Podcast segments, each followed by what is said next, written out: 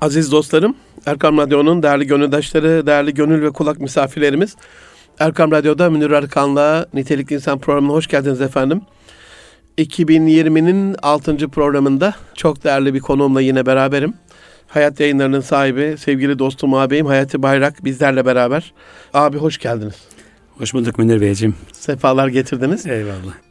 Efendim kısmet olursa bu hafta çok böyle moda bir tabir gibi görülür kişisel gelişim. Ama bizim kültürdeki tanımı e, kemalattır. Az evvel Hayat abiyle konuşurken iki günün eşit e, olmamasıdır diye tanımlamıştın abi. Yine ona değiniriz. Her gün bir adım ileri bir basamak yukarı çıkmaktır. Kendini yenilemektir. Dünden geride kalmamaktır. Ama e, son 20-30 yılına baktığımızda e, toplumsal manada kişisel gelişime, kurumsal gelişime bir ivme kazandığı çok doğru. E, satış rekorları kırdığı çok doğru. İlgi ve teveccühün arttığı çok doğru. Bir taraftan da eleştirilen bir konu e, haline geldiği de doğru. Bunda biz yazarların da rolü ve payı vardır. İlmiyle amil olmayan. Kendi adıma söylüyorum. Diğerlerini tenzih ederim ama.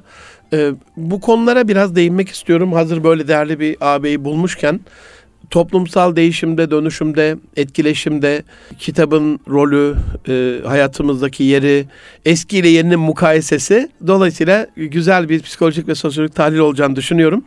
Bize ulaşmak isterseniz efendim nitelikli insan et e-mail adresine ya da et Münir ya da et erkamradyo tweet adreslerinden bize ulaşabilirsiniz. Her zaman e, fikirleriniz bizim için önemli ve değerli. Ee, canım abim Bismillah deyip başlayalım. Bizim şöyle bir usulümüz var. Hani ben sizi çok iyi tanıyorum. Beşinci kardeş diye zaten tanımlıyorsunuz beni. Evet. Üç kardeş artı Mehmet Ali Bulut. Beşinci de biz oluyoruz efendim. Allah var etsin. Amin. Çok mutluyuz tanıştığımızdan bugüne elhamdülillah. E, hayatımızda değer katan, nadide koleksiyonda güzel bir parça olan biriktirdiğimiz insanlardan bir tanesi, abilerimizden bir tanesi. Ben sizi çok iyi tanıyorum ama abi bizim usulümüz şöyle. Hani bir ben vardır ben de benden içeri Yunusça gidersek evet. e, Hayati Bayrak'ın dilinden Hayati Bayrak e, kimdir onu sizden dinleyelim. Öyle başlamış olalım. Eyvallah. Ben de e, bütün dinleyicilerimize selam ve saygılarımı iletiyorum. Nitelikli İnsan programı benim için de çok anlamlı bir program. Çünkü 15 yıl var mı kitabı yayınladığımızdan bu tarafa?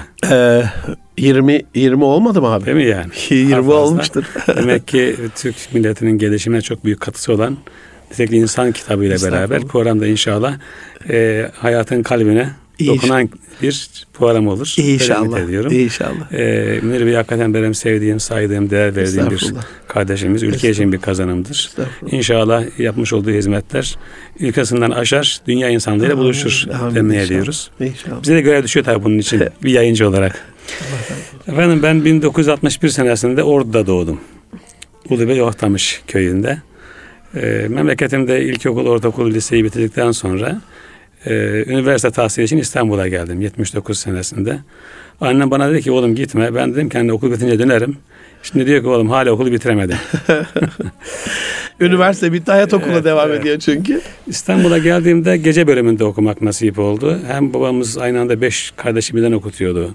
Maşallah. Ekonomik şartlarımız çok müsait değildi. Bu vesileyle çalışmaya ihtiyacı doğdu. Ben e, birkaç yerde çalış, çalışırken bir arkadaşım yayıncıda çalışıyordu. Dedim ki ya ben sonuç itibariyle bir eğitimci olacağım okul bittikten sonra. Yüksek İslam okuyordum o zaman. Ya müftü olacaksın, ya vaiz, ya öğretmen olacaksın. İslam'a dönüp geldiğimizde bir kültür şehrinde bir bağımız olsun. Sen de bana bir yayıncıda iş bul dedim arkadaşımıza. O da bir gün geldi dedi ki Hekimoğlu İsmail bir adam arıyormuş dedi. Ama ifadesi böyle. Türdar yayınlarında. 1980 yılıydı o zaman. Görüştük, konuştuk. Ee, Allah selamet versin. Müslüman ve para kitabını daha yeni çıkarmıştı. Türkiye'de Müslümanların hakikaten parayla olan ilişkilerini çok iyi anlatan bir kitaptı. Onu verdi, hediye etti. Bu kitabı oku. İçinde fikirleri beğenirsen gel çalışalım dedi. Ne güzel. Ben okudum, geldim 1981'in başında, Ocak ayında yayın dünyasına başlamak Maşallah. nasip kısmet oldu. Tam da böyle erbabından abi evet. değil mi? Evet öyle oldu. Beslenerek başlamıştınız. Ö- öyle oldu. İşte 81'de e, yayın dünyasına başladık. 82'de E, Timaş yayınlarını kurduk birlikte. Maşallah. 18 sene beraberliğimiz oldu. Maşallah. Ee, işte 84 e, yılında askerlik yaptık. 85'te evlilik yaptık. Maşallah. Bugüne geldiğimizde 4 çocuk, 4 torunumuz var. Maşallah. Dört dörtlük bir şey olmuş abi. Ee, Aile iki- maşallah. 1990 Rabbim hayırlı günlere büyütsün Allah hepsini. olsun. 98 yılında Hayat Yayın grubuna e, geçtik. Biraderler kurmuşlardı. Sen de tanıyorsun. Eyvallah. O gün bugündür. Yani aşağı yukarı 40 yıl. Necati abi Ali İhsan abi de anladım canım Eyvallah. isimlerini. Kurucumuz Ali İhsan'dı. Allah Ali razı olsun. e, Necati de Rabbim beraberdik. muvaffak eylesin. Yani e, meslekte 40. yılın içerisindeyiz. Maşallah. Çok şükür. Maşallah. Kısaca böyle. Eyvallah abi. Çok çok teşekkür ederim. Şimdi o zamanki öğrenci mantalitesiyle hani bir kültür şehriyle diyalogumuz olsun diye başlamış o cümleyi çok önemsiyorum ama sonraki dönemde niçin kitap? Ne oldu böyle sizde o kitabı daha böyle ulvi, kutsi, e, hayatınızı adayacak şekle getiren işte 40 yıl diyorsunuz yani. Şöyle- oldu abi? Şöyle ben tabii Kemal İsmail ile beraber başlayınca Müslümanın Müslümanca yaşama şartları ile ilgili pratiğimizde çok eksikler olduğunu görüyorum. O gün de vardı, bugün de Bugün var de ama var. bunun da başında ticari hayatımız olduğunu gördüm. Mihenk taşı orası Tabii. değil mi? Kazanılan para eve helal girerse artık her şey helal olur. Eyvallah. Ama helal kazançla e, eve girilmezse yaptıklarınızda artık bir kıymeti kalmıyor. Dolayısıyla ben ticari hayatta Müslümanlar nasıl baş olacağına dair o modelle yani faizsiz sistemle bir çalışma içerisindeydik. E, bunun kitapla çok daha geniş kitleye duyulacağını düşündüm. Yani Eyvallah. öğretmen olsak o da çok güzel bir meslek hakikaten peygamber mesleği güzel ama sınıfı 30 kişi 40 kişi. Ama eğer bir kitap yayınlarsanız eğer iyi de bir karşılığı bulabilirsen bir milyona satabilir. Amenna. Sınırları aşabilir. Amenna. Burada kitap yayınlarsınız ama Mekke Medine'ye de gider. Çin'e de gider, Hindistan'a da gider, gider. Amerika'da gider. Oradan da gelen Tabii. yok mu yani? Dolayısıyla ben e, kitabı e, düşünmüş olduğumuz bu e, hayata ilişkin e, çok önemli bir ürün olarak gördüm. E, tebliğ cihazı, e, aracı olarak gördüm. Eyvallah. Dolayısıyla dedim ki biz tebliğimizi çok daha geniş coğrafyalara, çok daha geniş insan kitlelerine yapalım. Bu iş e, bizim için daha verimli olur diye düşündüm o zaman. Çok çok da isabetli olmuş abi. Ee, bir yayıncı olarak aynı zamanda da yani kerhen mecburen değil gönüllü olarak da bir okursunuz abi. Ee, öğrencinizden beri okuyorsunuz. İyi okuyan, iyi yazan insanlarla bir gönül bağınız var. Hakikaten dostunuz var. Berabersiniz. O anlamda hani toplumu iyi okuyanlardan birisiniz. Nasıl görüyorsun Hayat abi toplumun şu andaki gidişatını, yapısını, durumumuzu senden bir analiz olarak alsak e, senin gözünden. Ya bu iş nereden baktığımıza bağlı esasında. Yani eğer onun taraftan bakacak olsak çok güzel olumlu şeyler de var. Olumsuz taraftan bakacak olsak çok da olumsuz şeyler var. Olumluya gidişi hepimiz biliyoruzdur ama benim daha çok ilgilenmiş olduğum şey şu. Kendi eksiğimizi görmezsek gelişme kaydedemeyiz.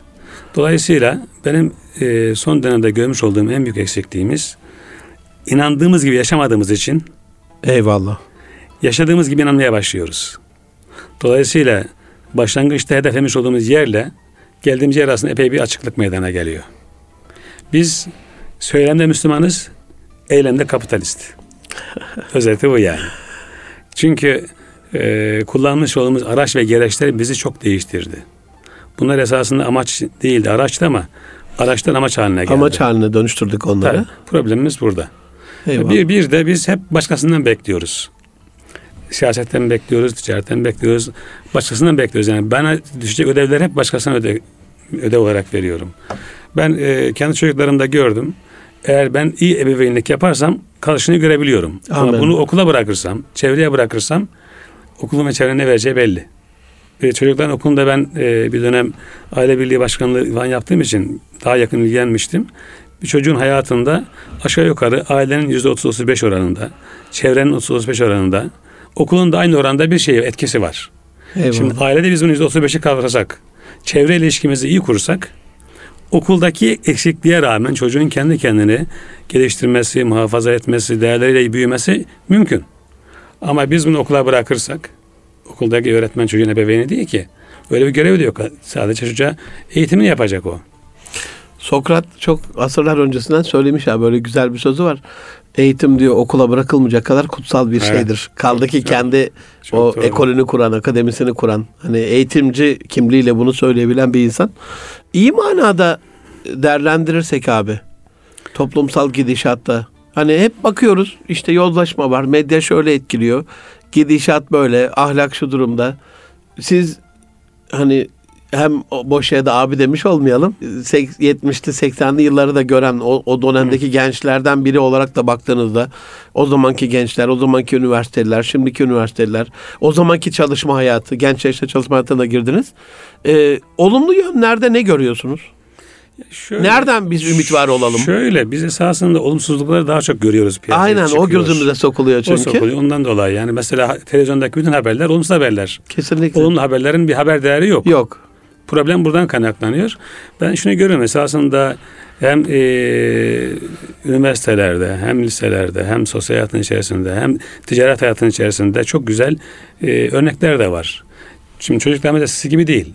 Çocuklarımızın yabancı dilleri var, çevreyle ilişkileri var, uluslararası bir takım kurumlarla uluslararası ilişkileri var ve bütün bunları kendi değerler yapıyorlar. Yapanlar da var çocuklarımızın içerisinde. Eyvallah. Ama biz bunları görmüyoruz. Çünkü onlar çok fazla e, reklam edilmiyor ve onlar kendilerini ortaya çıkarmıyorlar. E, ikincisi gerçekten yaptıklarımızı biz şu anda değerlendiremiyoruz. Belki 20 sene sonra insanlar değerlendirecekler. Türkiye'de ticari hayatta e, her şeye rağmen değerlerini öne çıkaran, buna göre yaşamını tanzim eden insanlar var. Bilim hayatında var. Siyasi hayatta da var diyelim. Ama problem bundan öne çıkamayışıdır. Yaşarken ne? öne Tabii. çıkamayışı demiştiniz ama, aslında ama, bir do- şeyde. Doğru. Yaşarken o değerini bilmiyoruz zaten. Bilmiyoruz. Ee, bir de şu oluyor. İnsanlar farkına varmıyorlar kimin ne olduğunu. Hep öldükten sonra Aa, çok değerliydi, çok muhteremdi, çok mübarekti, çok donanımlıydı falan gibi durumlara karşı karşıya kalıyoruz. Bir de e, dedim ya bu olumlu değerlerin e, yansıması çok yok. Yapanlar Allah bilsin yeter diyor. Eyvallah. Kendi içlerinde. Reklam etmiyor. Bizim Reklam kültürümüz de esasında bunu nasıl mümkün evet. kılıyor. Yani diyor ki Allah için yaptıysan Allah bilsin. Eğer başkasına bildirmek için yaptıysan ondan almışsındır sevabını mantığı var. Bu sebeple bilmiyoruz. Ben e, sen bu arada demin sohbette konuştuk. Rahmet almış olalım. Emin Üstün ağabeyimizi. Eyvallah. E, 80'li yıllardan itibaren tanırım. Hakikaten mubahit ve mücahit bir Müslümandı.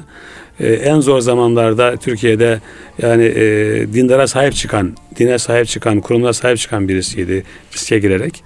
Ondan sonra mesela bir arkadaşımızın yanında işi iyi gitmeyen bir turizmciye al şu parayı diyor şu kadar parayı. Bu kadar insanı umreye götür hem de sen işini düzelt diyor. Ya Allah yani, razı olsun. E şimdi bu görünüyor mu? Görünmüyor. Görünmüyor. Bilen var mı? Yok. Sadece orada şahit olduğu için biz de bunu bugün biliyoruz. Şöyle bir şey var Hayat abi. Babam Yüksek İslam'da ikinci dönem mezunlarından Hayrettin Hocam'dan bir dönem sonra İstanbul Yüksek İslam. Ömer Nasuh Bilmen e, hocamla olan bir şeyini anlatırdı. Evine davet etmiş. Gitmişler birkaç öğrenci arkadaş.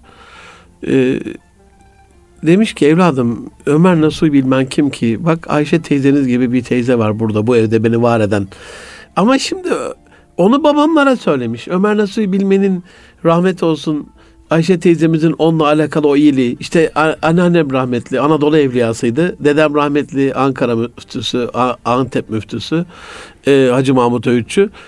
Evin içerisinde o Ayşe teyzeliğini, o anneannemin hani Ömer nasıl bilmene göre e, tabi tartılmaz da bize daha şey gelir, kat kat üstün gelir ama e, torunları biliyor. Amerika'da bir tane yani kör olur badem gözlü olur. Adamlar küçücük belki böyle bir pirelerini deve yapmayı o kadar güzel biliyorlar. O kadar terminoloji geliştiriyorlar. O kadar markalaştırıyorlar.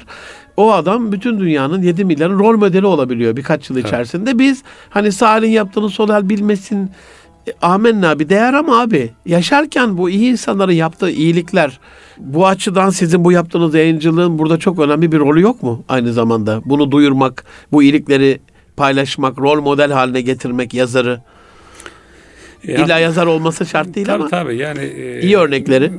Katılıyorum. Biz mesela iş dünyasında epey insan kitabını yayınladık. Niye yayınladık? Ya rol model olsunlar diye. Eyvallah. Hakikaten de oluyor. İnsanlar diyor ki bu yapmışsa ben de yaparım diyor. Ben mesela 80'li yıllarda hakikaten ümitsiz bir haldeyken işte 80'in e, başında Özal rahmetli iş başına geçtiğinde dedi ki ya biz ecdadımız yapmış biz de yaparız dedi. Eyvallah. Ve büyük bir özgüven sıçramasıydı. Büyük bir özgüven Kesinlikle. ve tarihteki yerimizi almamızı Allah rahmet eylesin. Mekan cennet olsun. O vesile olmuştur. Yani benim açımdan bakıldığında. Eyvallah. Şimdi e, bizim de yapmış olduğumuz iş, şimdi sizin yapmış olduğunuz iş nitelikli insanın için e, anlatıyorsunuz burada programda kitap olarak yazıyorsunuz. İşte rol model olacak insanların hayatına e, girsin diye bu bilgiler. Eyvallah. Dolayısıyla bize düşen şey zaten bunu yapmaktır. Eğer bu işi yaparsak sevap alırız. Allah korusun kazara yanlışa gönderirsek de Allah muhafaza. E, cezasını Allah görürüz. Muhafaza. Abi bu açıdan yine yayıncı kimliğinizle eskilerin kitaba bakışıyla yeni neslin kitaba rabıtası, alakası, ilişkisi eskiden kıttı ve daha mı değerliydi? Muteberdi. İçselleştirme, uygulanma adına alınıyordu. Şimdi biraz azaldı mı? Şimdi nasıl görüyorsunuz eskiyle yeninin kitapla rabıtasını? Ya önce şöyle başlayayım. Eskiden naşirler vardı. Aha. Yani mesela Şevket Ege gibi naşirdi. Hem yazar hem yayıncılık yapardı. Eyvallah. Şimdi onlarla bizim durumumuz farklılaştı. Biz yani biraz e, ne diyelim e, yayıncı kimliğimizle öne çıkıyoruz. Yazarlığımız yok. Bunun okurda karşılığı da biraz böyle. Yani derdi olan, efendim hayali olan, hedef olan insanlar olması lazım ki onun yayınlamış olduğu kitaplar insanların kalbine, gönlüne nüfuz etsin. O dert maya tutsun. Tutsun. Aksi halde Hem dert olsun. ticaret yapmak için bir şey yapıyorsan ticaretini yaparsın. Amin. Satışını yaparsın ama Amin. karşında ne bulabilirsin? E bir İhya Ulumuddin var. Yüzyıllar açmış gelmiş satan bugün ya, bir kitap değil mi? Ya. Benim sektöre ilk girdiğim dönemde. Eskimeyen. Tabii hiç eskimeyen. Kitap. Ee, ben sektöre girdiğim dönemde 81'in başında Fizilali Kur'an tefsiri yılda 100 bin takım satıyordu. Bugün 100 takım satmaz. Yani diğer kitapları buna kıyaslayabilirsiniz. Peki bugün insanlar okumuyorlar mı? Okuyorlar. Peki ne okuyorlar? Instagram okuyorlar. Sosyal Eyvallah. medya okuyorlar. 3-4 saat ellerinde yani, telefon değil mi? E, yani orada kaynağının ne olduğunu bilmediği ama güzel paylaşımlarla hani bu da bir gerekliktir onu ben şey yapmıyorum. Bu da bir metottur. Ama içeriğini doğ, doğ, doğrultmak ve doğru yapmak e, şeklinde. Dünkü insan kitaba daha kutsal bir şey olarak bakıyordu. Değerliydi değil mi? Değerliydi. Bugünkü yani e, çok sıradan bir şey olarak bakabil, bakabiliyor. Ama şunu söyleyebilirim. Mesela gençlik kitap okuyor. Eskiden daha fazla. Bu Özel, güzel bir haber abi. Özellikle son e, 20 yılda Türkiye'deki her yıl sene sektörel büyüklüğümüz artıyor. Yüzde on beş civarında her yıl şey, yayın sanayinde artış var. Hatta sen daha bilirsin. Türkiye halen daha 17. büyük ekonomiye sahip dünyada. Ama kültür endüstrisinde biz 11. sıradayız. Yani kitapla ilgili e, bazen şikayet ediyoruz ya okunmuyor falan filan diye. Tabi bu okunma oranlarına Kur'an-ı Kerim dahil değil. Kur'an-ı Kerim okumaya dahil edersek Türkiye'nin şey epey yukarılara Çok çıkar. Çok daha yukarılara yani. çıkar. Yukarılara çıkar. Eyvallah. Yani gençlik kitap okuyor. Peki ne okuyor? Şimdi esasında orada bizim e, sorumluluk almamız lazım. Bu sorumluluk bize düşüyor. Hani zaman ruhunu kavramak ve dilini kullanmak lazım. Biz niye gençlere e, suç bulalım ki? Ben kendi suç bulmalıyım. Bu gençlik okur. Peki bunların okuma anlayışına uygun ben ne öğretebiliyorum? Geçmişte şu şu konular cazipti. Ama bugün çocukların gündeminde ne var? Efsaneler var, macera var, mizah var, efendim polisiye var. Ben bu alanlarda çocukların ihtiyacını giderecek kitaplar yaparsam bir anlamda doğrudan, bir anlamda en direkt mesajlarımla bunu yapabilirim. Ya mesela e, illa insanlara şunu yap bunu yap demek gerekmiyor. Vicdanına hitap etsek yeterli olur. Orada zaten neşrine mahvolacak. Bir de bu dönem olacak. bu dönem özelliği ailemizde bile böyle. Artık geçmişteki gibi bir vaaz üslubunda değil. Evet din nasihattır ama nasihatın şekli vardır. Paylaşım yapmak lazım insanlarla. Bak şunu yaparsan senin için daha iyi olur. Dediğin zaman daha farklı bir açılım buluyor. Ben şimdi e, fuarları görüyorum. İnsanlar akın akın fuarlara geliyorlar. Kitap da alıyorlar.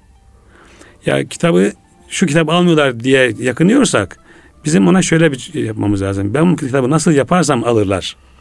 Mantığına yaklaşmamız lazım. Ben sorumluluğu bize görüyorum. Evet çocuklarda da sorumluluk var. Ailede sorumluluk var. Niye? Ya herkes ayakkabı için en iyi markayı buluyor. Ya. En iyi okul için dünyanın parasını ödüyor. En iyi televizyonu, en iyi cep telefonu çocuğunu alıyor. E kardeşim kitabını da al.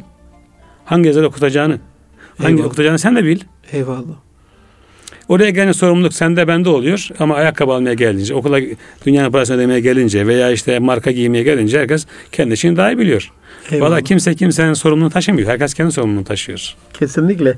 Abi demin girişte söylemiştim insan kemalatı bir anlamda kişisel gelişim diye. Bir taraftan da hani e, burada anmayayım ama çok can acıtan tabirle yazılan kitap başlıkları var böyle kişisel gelişime. Bir taraftan da kişisel gelişimleri böyle ezikleyen görüşler var. E, diğer taraftan insanı kamili beğenmeyen cahiller var. Yani bu çağda modern çağda insanı kamil neymiş, kemalat neymiş diye böyle. E, bu açıdan baktığınızda kişisel gelişimi siz ne olarak görüyorsunuz? Ee, ya ben kişisel gelişimi çok temel bir konu olarak görüyorum. E, bugünkü e, dünyada baktığımızda İslam'ın önündeki en büyük engel Müslümanlar. Eyvallah. Hani Yusuf İslam ne demişti? Ben iyi ki Müslümanlar görmeden önce İslam'a girdim demişti. Niye böyle söylüyor? Ya kendi bireysel hayatında başarılı olmayan, konuşmayı bilmeyen, usul adap bilmeyen insan kime faydalı olabilir? Amin. Kişisel gelişim demiş olduğumuz şey önce, önce insanın kendini bilmesi, kendini tanıması, kendini tanıyan da Rabbini tanımasıdır. Amin. Biz bu kavramın için boşalttığımız için böyle. Yoksa şöyle düşünelim. İnsan ruhen, bedenen ve aklen sağlıklı değilse diğer sağlığı eksiklik kalır. Kişisel gelişimi biz sadece günlük hayatı yaşama ile ilgili anlarsak yanlış olur. Dini hayatımızı da, ahiret hayatımızı da, sosyal hayatımızı da, bedensel hayatımızı da birlikte alan bir kişisel gelişim herkesin ihtiyacı var. Eyvallah. Başta benim ihtiyacım var. Eyvallah. Ben evimde çocuklarımla daha iyi iletişim kurmak istiyorum.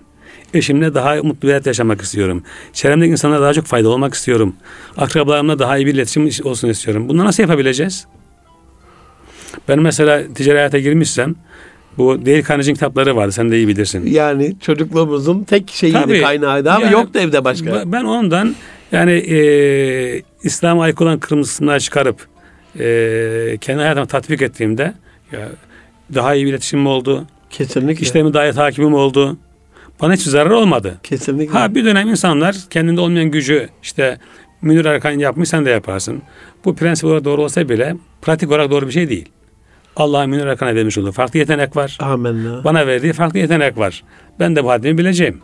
Haddini bilmek de kişisel gelişim bir e, Eyvallah. taraf olması lazım. Zaten insanın kendini tanımasıyla Tabii. başlayan ben, bir süreç. Ben, ben onun için e, Kur'an-ı Kerim öğrenmek kadar, dini bilgi öğrenmek kadar kişisel gelişim insanın öğrenmesi gerektiğini düşünüyorum. Çünkü hepimiz dışarı çıktığımızda bize merhaba diyen, halimizi hatırımızı soran, iyilik eden insanları önemsiyoruz. Bu da böyle oluyor. Gelişen insanla oluyor. Gelişmesi nasıl bunu yapabilecek insanlar yani? Abi işte demin doktor örneğinde konuştuk ya programdan evvel. Hani ulema, allame e, kendi e, uzmanlık alanında deha olabilir. Ama iletişimi kötü olduğunda hastayla olan gönül bağını kuramadığında bitmiştir o doktorun işi. Din adamlarımız da böyle, öğretmenlerimiz de, hocalarımız da.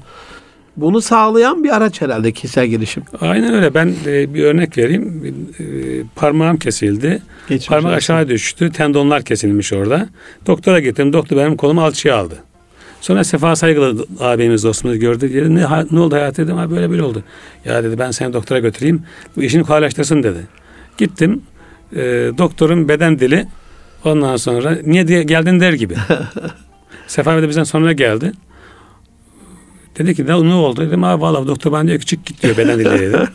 Sonra adam hakikaten ilgilendi. Hayatımı kolaylaştırdı ama hala da olumsuz tavrı gündemimde var. Gündeminde. Hala bak adam çok iyi bir mesleki bakımdan hekim, iyi çok doktor ama Eyvallah. kötü bir iletişimi var. Kötü bir beden dili var. İşte insanlar kendi içindeki cevherleri iyi yansıtsınlar diye kişisel gelişime ihtiyacımız var. Eyvallah. Şu anda biraz da zaten hani İslami anlamda bizlerin yüzü biraz daha şeydir, asıktır yani. Evet.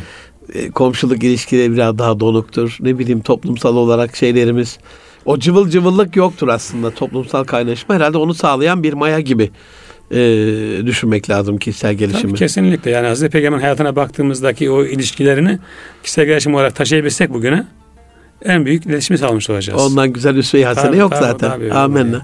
Ee, abi kısa bir ara verelim inşallah. Tamam. Ee, devam Eyvallah. ederiz değerli dostlarım. Ee, Hayat Yayınları e, kurucusu Hayati Bayrak abiyle beraberiz.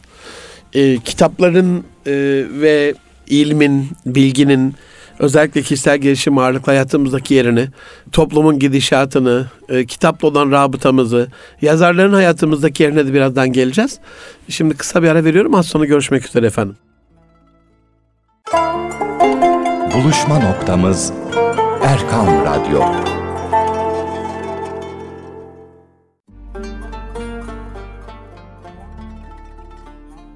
Aziz dostlarım, can dostlarım. Erkan Radyo'da Münir Arıkan'la Nitek İnsan programı devam ediyor. Programın ikinci yarısında inşallah e, kaldığımız yerden devam edeceğiz. Hayati Bayrak ağabey bizlerle söylemiştim. E, Hayat yayınlarının kurucusu. İnsanı, insanın kitapla e, rabıtasını, kişisel gelişim hayatımızdaki yerini konuşuyorduk. Abi yeniden hoş geldiniz. E, bu çağda e, insan kişisel gelişim için neler okumalı desem, neler bilmeli desem, mesela ana ana şeyler nedir? Yani kitap adı olarak değil de konu olarak kişisel gelişim için neler neler bilmeli, neler okumalı insan? Nasıl görüyorsunuz?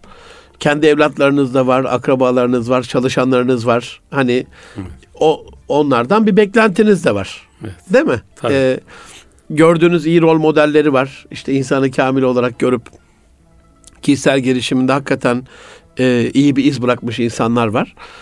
Onları öbür taraftan da bekliyorsunuz. Nedir aslında o beklediğiniz şeyler? Bir anlamda onu da görmüş olacağız buradan. Hani demin de konuştuk ya e, kendini bilen Rabbini bilir. Önce insanın kendini bileceği kitapları okuması lazım. Eyvallah. Kendisini var eden aile ortamını ilgilendiren kitaplar okuması lazım. Biz bu programı abi bu arada ilk başlangıçta aynı şekilde düşünüyoruz. Mehmet Ali Bulut abiyle başladık. Öyle mi? İnsanın kendini tanıması, nitelikli insanın ilk adımı Evet. oydu yani. Ha, çok güzel. Ee, çok da bereketli oldu. Hı. Allah razı Evet. olsun. Buradan da e, kulaklarını çınlatalım Mehmet Ali Evet. abinin. Ee, hani men arefer nefse arefer rabbe. Evet. Ee, Kul kulun yamel ve şakileti de ki herkes kendi şakilesi fıtratı üzerine iş yapar. Hani niye yaratıldığını bilmeden bir insan ne yükleneceğini, nasıl bir fonksiyon yapacağını bilemez. Evet. O açıdan isabetli başlamışız Evet, yani. Eyvallah. Öyle baş. İşte kendini bilen insan kendini bildikten sonra kendisiyle irtibat olan ne varsa esasen din ben şöyle anlıyorum. Cenab-ı Hak diyor ki ben seninle diyor kendim ve kainat arasındaki bütün ilişkileri düzene koydum diyor. Din budur diyorum ben. Eyvallah. Yani bir hukuktur. Kanunlar manzumesinde. Dolayısıyla ben kendi üzerinden bakıyorum. Bana ne lazım olur?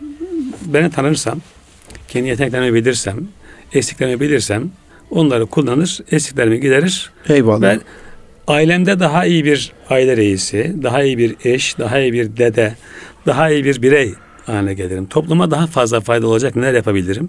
Ya mesela ben pratisyen hekim gibi kendimi görürüm. Ben uzmanlık alanı yok. Çünkü şeyim böyle, yaratılışım böyle.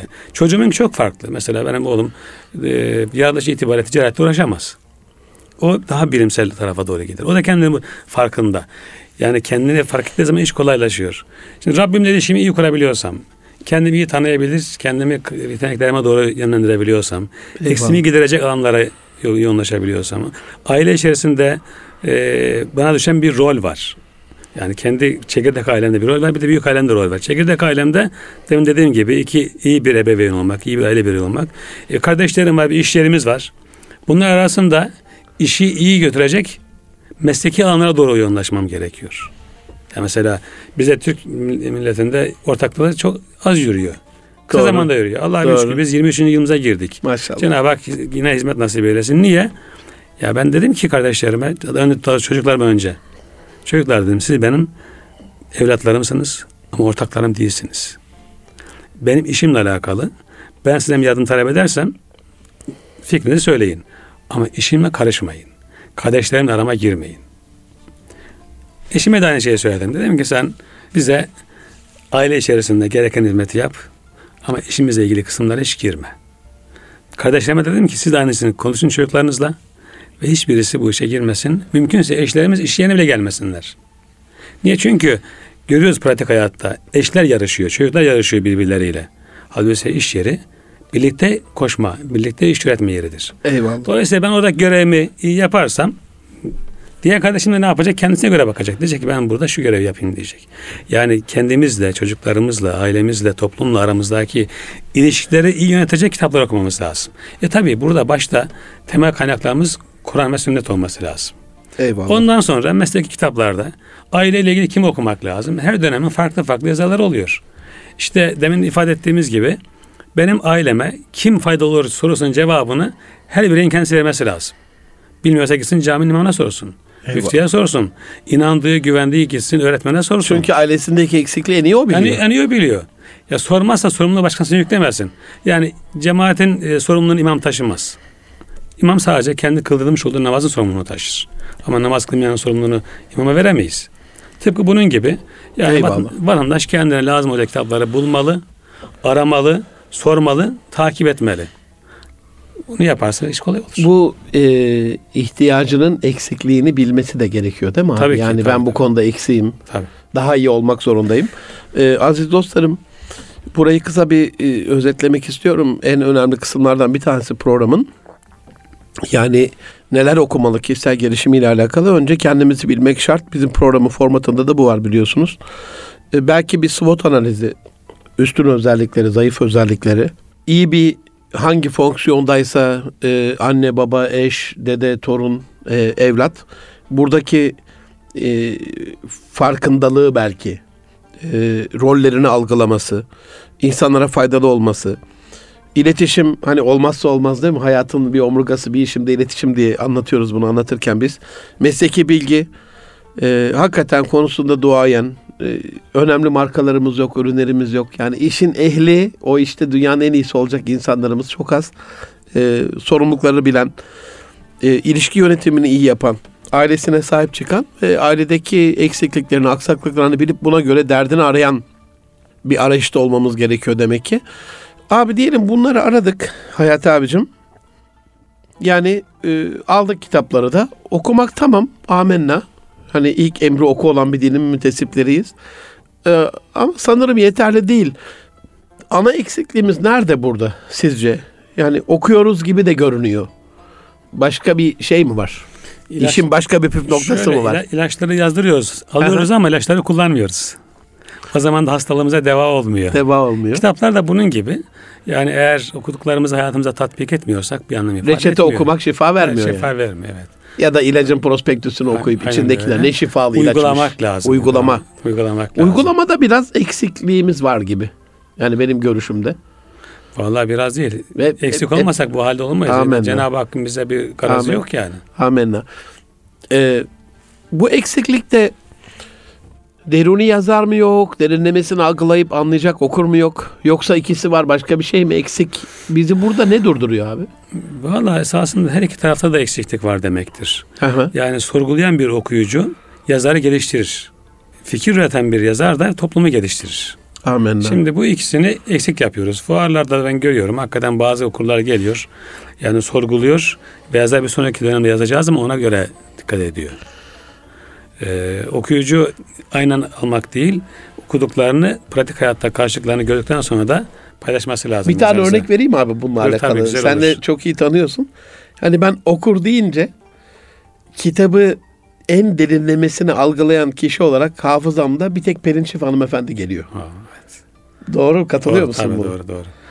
Yani o yazarı davet edeceği zaman o kitabını nasıl okunur? Perinçif Hanım gibi Evet. okunur. Yani e, herhalde biz onu yapmıyoruz. Evet. E, Ruhunu kavuruyor işin.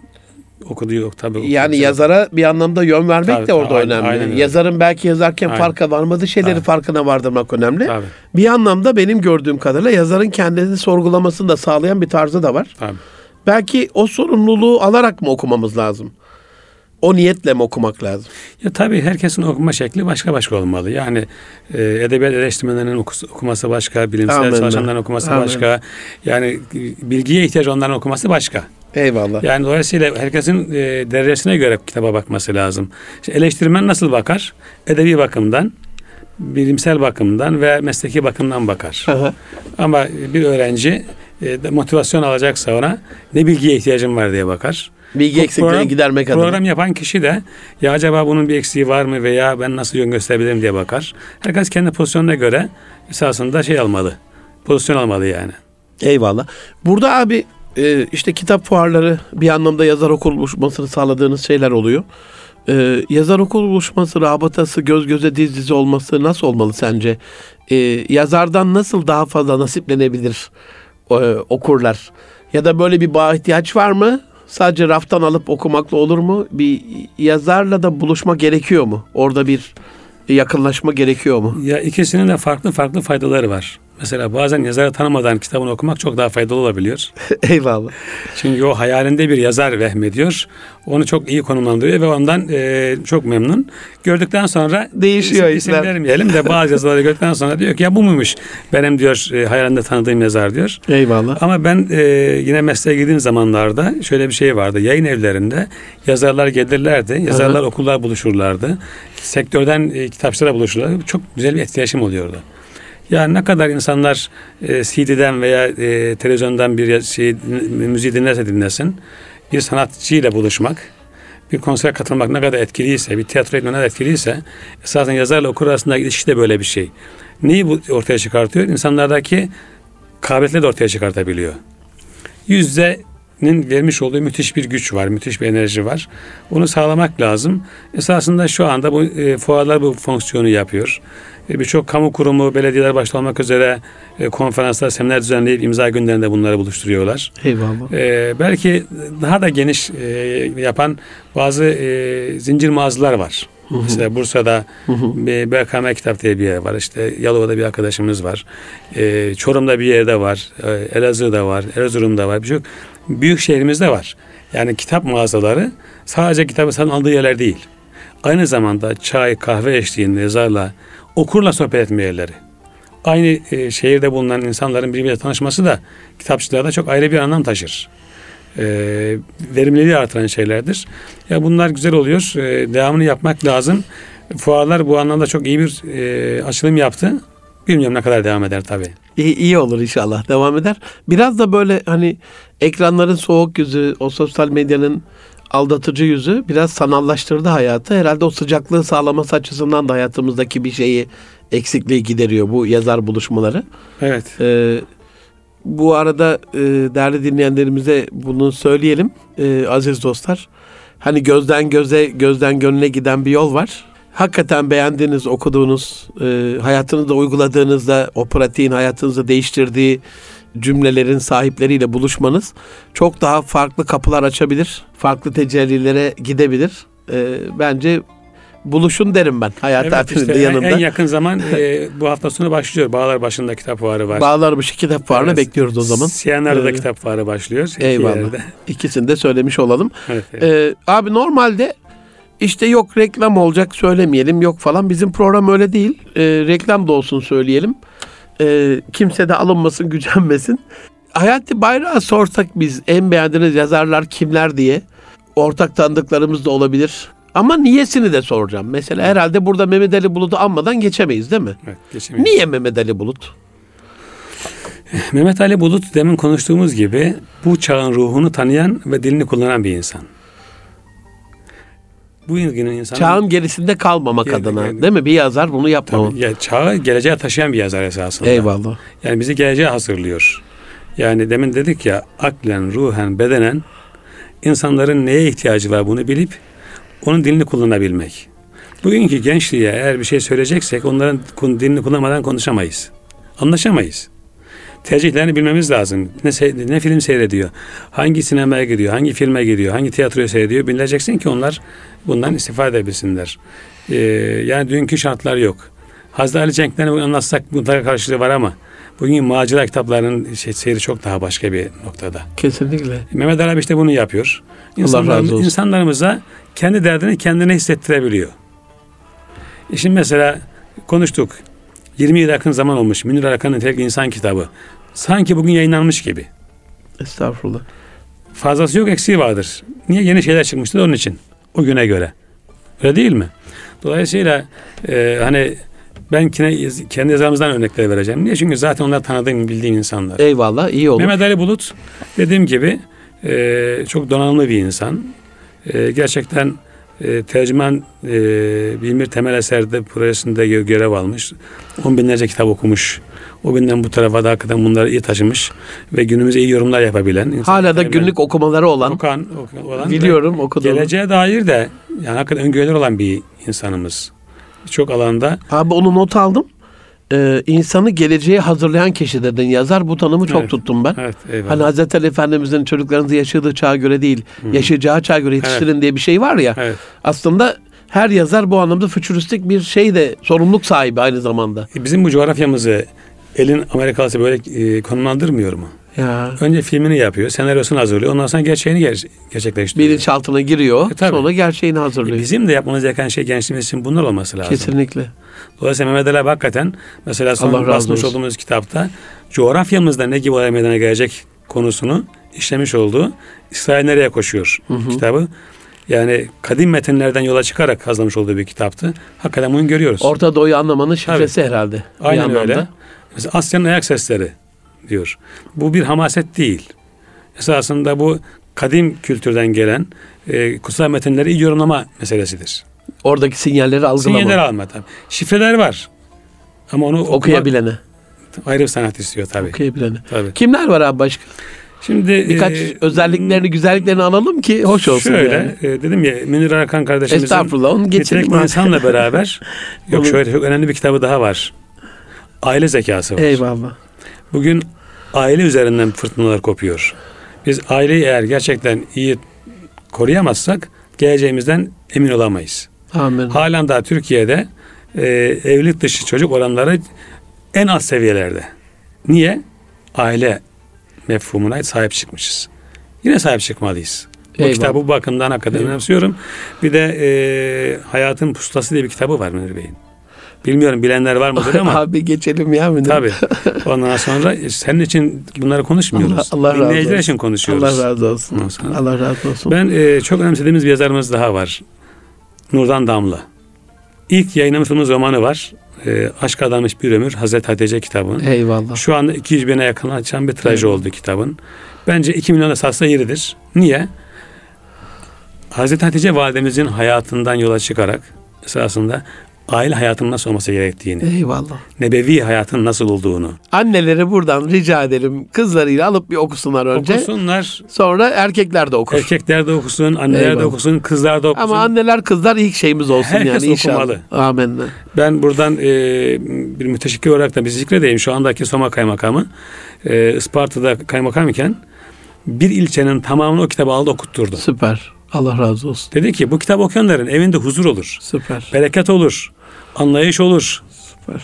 Dolayısıyla Nurdan Hanım'ın bizde epey kitabı var ama Eyvallah. bu hakikaten bir klasik haline geldi. Önümüzdeki yıllarda inanıyorum ki aile hayatımızın temelinde bu kitabın çok büyük katkısı olacak. İnşallah. Ben e, son dönemde Zekeriya Eflioğlu diye bir kardeşimiz var. Hı hı. Zekeriya Bey'i şöyle önemsiyorum. Zekeriya Bey işte tam bugünkü gençliğin ruhuna hitap eden. Süper. Yani çocukları bir konferansta hem ağlatan hem güldüren bir kardeşimiz. Eyvallah. Neyi anlatıyor? Esasında sevgi, aşk, muhabbet gibi kutsal gördüğümüz değerlerin ayağa düştüğü, yerde sürülmüş olduğu bir dönemde çocuklarımıza bu mecasi aşktan ilahi aşkı nasıl geçirebilir? Anne baba hakkı nasıl ödenebilir? Eyvallah. gibi bizi biz yapan temel değerleri onların anlayacak olduğu dilden anlatan kitaplarla, videolarla, seminerlerle, konferanslarla işleyen bir kardeşimiz. Ben bunun bugün gençlik için bir iksir gibi olduğunu düşünüyorum. Allah razı olsun abi. Bir ör- örnek daha yazarımızı alalım. Ondan sonra inşallah programın sonuna gelmiş olduk. Evet. Ee, bir tane daha bir O olur. Ee, yine aile konusundan devam Hı hı. edelim o zaman. Ee, sizin de çok yakın bildiğiniz Salihe Erdem Eyvallah. hanımefendi. eyvallah. Yani e, ailelerin neye ihtiyacı var? Problem ne? Çare ne? Sıkıntılar ne? Bunları bilen ve bunları da anlaşılır bir dille ifade eden. Eyvallah. Ne diyor? Eşimi tanımak istiyorum, anlamak istiyorum. Bu sadece bir işin için değil, her iki taraf için de. Kesinlikle. Yani ben kendimi biliyorum da karşıdakini biliyor muyum?